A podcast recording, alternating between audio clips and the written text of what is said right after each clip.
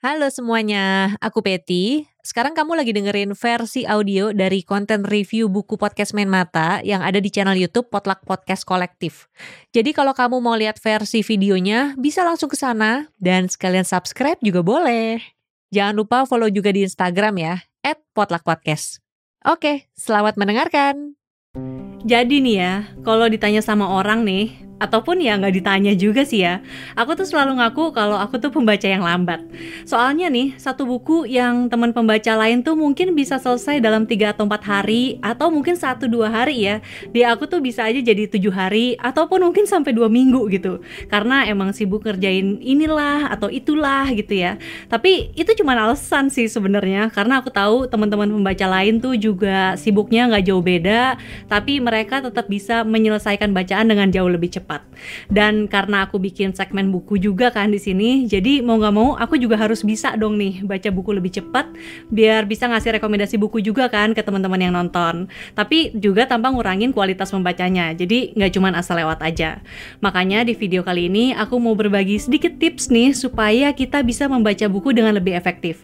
Siapa tahu ada dari kamu juga nih yang lagi pengen menambah speed membaca untuk keperluan apa pun.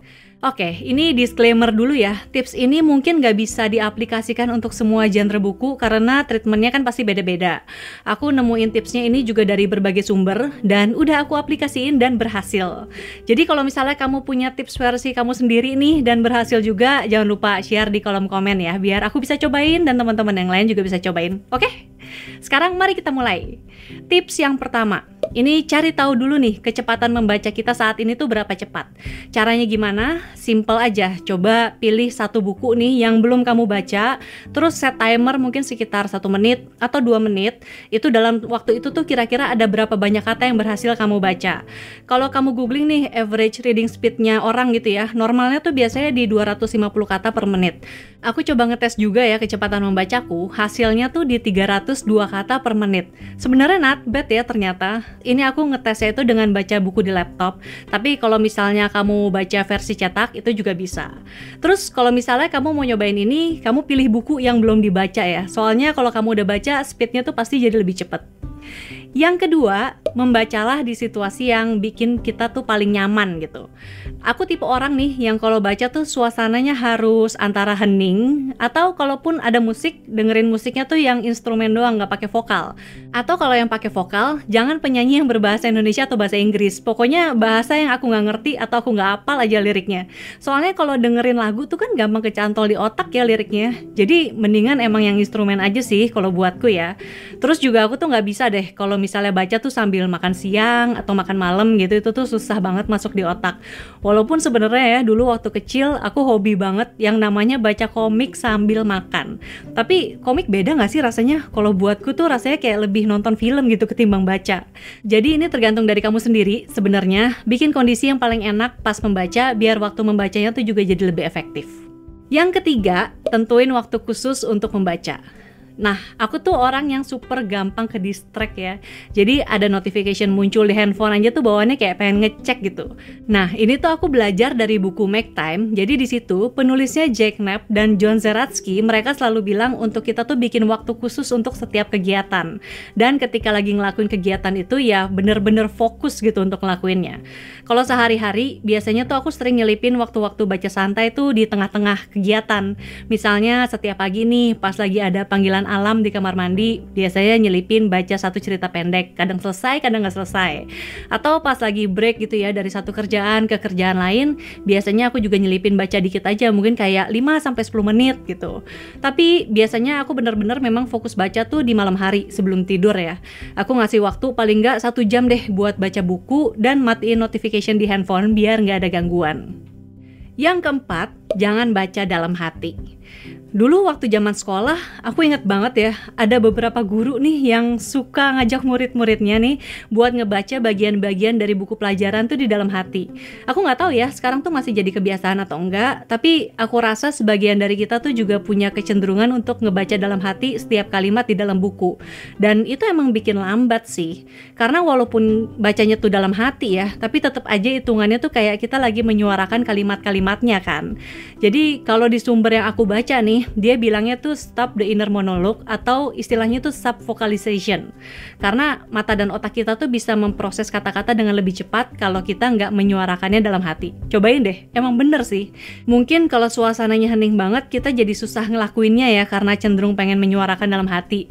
Jadi kalau saranku sih mungkin cobain dulu misalnya sambil dengerin musik tanpa vokal gitu. Menurutku sih itu ngefek. Yang kelima, baca frasa per frasa bukan kata per kata. Teknik ini memang agak sulit dan butuh latihan. Tapi kalau udah kebiasaan, ini enak banget sih. Jadi cakupan mata kita tuh pas lagi baca itu sebenarnya cukup luas, sekitar 3 sampai 4 cm ya. Makanya sebenarnya kita tuh bisa banget nih baca sampai 9 kata dalam sekali waktu. Jadi nggak perlu diselami tuh kata per kata. Coba nih, jadi misalnya ketika lagi baca, coba arahin mata kita tuh ke tiga titik aja. Dari ujung kiri, kemudian ke tengah, terus ke ujung kanan. Nanti tuh bisa kebaca semua kalimatnya dan kita tetap ngerti. Ini tuh paling gampang dipraktekin mungkin untuk buku-buku berbahasa Indonesia ya. Kalau yang bahasa Indonesia ini bahasa ibu gitu ya, ini kan bahasa asli kita. Dan kalau misalnya bahasa asing atau mungkin bahasa yang belum fasih-fasih banget, mungkin perlu latihan lebih banyak. Tapi semakin sering dicoba tuh pasti jadi kebiasaan. Dan kalau udah jago nih, konon sih ya, fokusin aja arah mata kita tuh ke dua titik. Jadi ke ujung kiri sama ujung kanan. Itu katanya udah bisa bikin kita ngebaca semua isi bukunya. Tapi kalau buat aku sih masih tiga titik dulu nih. Buatku sih tips ini tuh yang paling ngebantu banget untuk aku bisa ngebaca dengan lebih cepat. Tapi teknik ini ya menurutku sih lebih cocok diaplikasikan untuk buku-buku non fiksi atau mungkin buku fiksi yang ringan-ringan. Kalau misalnya kayak buku puisi ya udah pasti nggak cocok lah karena kita kan harus menyelami kata per kata. Yang keenam, jangan memaksakan diri untuk selalu membaca dengan lebih cepat. Kalau misalnya kamu belum terbiasa, jangan maksain diri untuk selalu baca buku apa pun dengan lebih cepat. Mulai dari yang singkat-singkat dulu aja. Misalnya nih, pilih satu buku yang paling gampang dicerna gitu ya. Terus baca 10 sampai 15 menit setiap hari.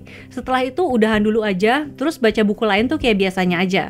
Kalau aku sendiri, berhubung aku memang poligami reader ya, jadi aku memang suka ngebaca lebih dari satu buku di saat yang bersamaan. Soalnya rasanya kayak bosen aja gitu kalau baca satu buku dulu sampai selesai terus baru pindah ke buku lain, itu ibaratnya mungkin kayak tiap hari dikasih makan yang sama ya untuk beberapa waktu.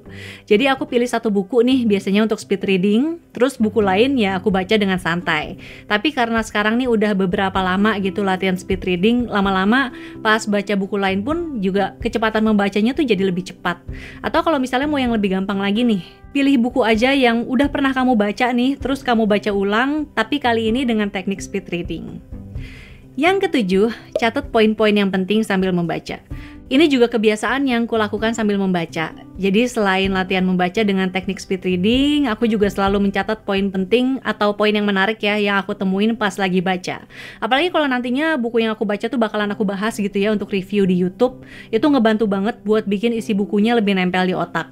Dan kalaupun misalnya ada bagian yang perlu aku lihat ulang, aku tuh nggak perlu lagi pusing nyari halaman bukunya, tapi tinggal lihat aja ringkasan yang udah aku bikin.